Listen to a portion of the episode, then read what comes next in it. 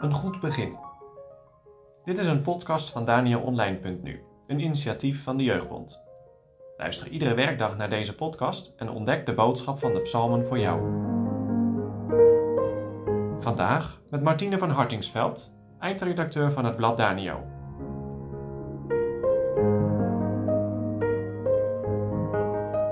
Vandaag lezen we Psalm 58. Zwarter dan zwart. Een gouden kleinoot van David voor de opperzangmeester Altachet. Spreekt gij lieden waarlijk gerechtigheid, gij vergadering? Oordeelt gij billijkheden, gij, mensenkinderen? Ja, gij werkt ongerechtigheden in het hart. Gij weegt het geweld van uw handen op de aarde. De goddelozen zijn vervreemd van de baarmoeder aan. De leugensprekers dolen van moeders buik aan. Zij hebben vurig venijn, naar gelijkheid van vurig slangenvenijn. Zij zijn als een dove adder die haar oren toestopt, opdat ze niet horen naar de stem van de belezers, degene die ervaren is met bezweringen om te gaan. O God, verbreek hun tanden in hun mond, breek af de baktanden van de jonge leeuw, o heren. Laat hen smelten als water, laat hen daarheen drijven, Legt hij zijn pijlen aan? Laat hen zijn alsof zij afgesneden waren. Laat hen heen gaan als een smeltende slak. Laat hen als een vrouwen misdracht de zon niet aanschouwen. Eer dan uw potten de doornstruik gewaar worden, zal hij hem als levend, als in hete toorn wegstormen.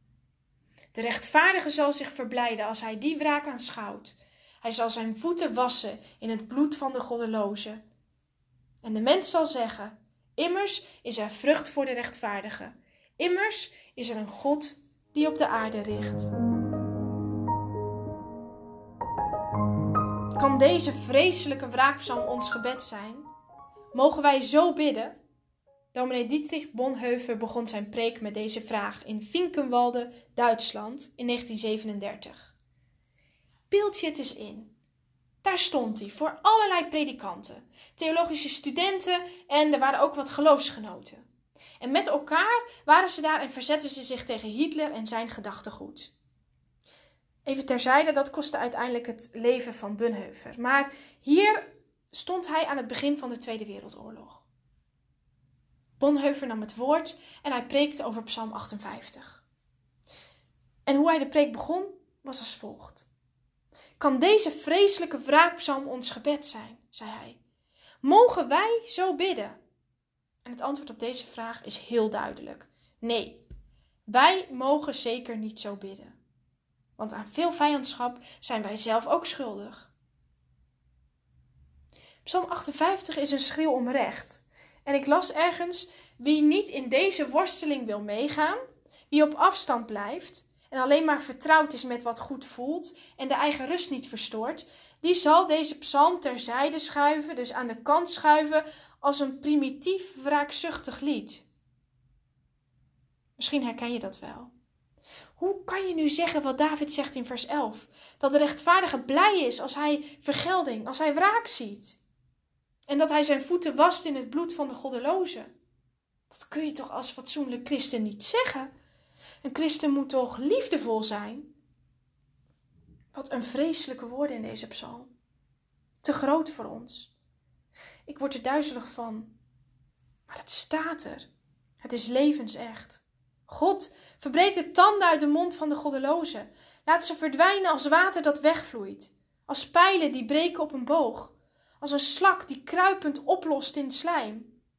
En zorg ervoor dat ze, zoals een vrouw die een miskraam krijgt, haar kind niet kan zien, dat zij ook de zon niet kunnen zien.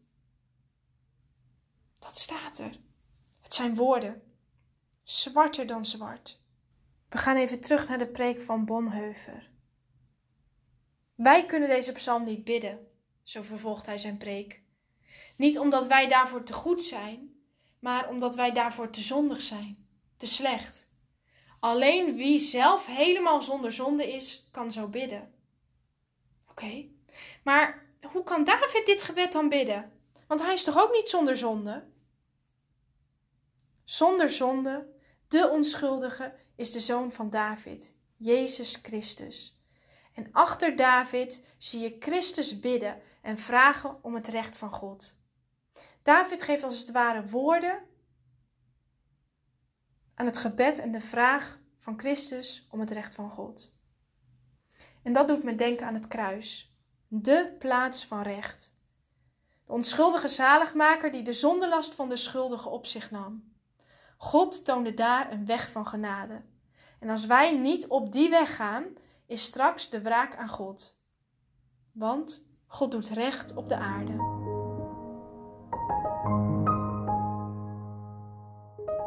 Deze psalm laat iets zien van de toorn van God over de zonde.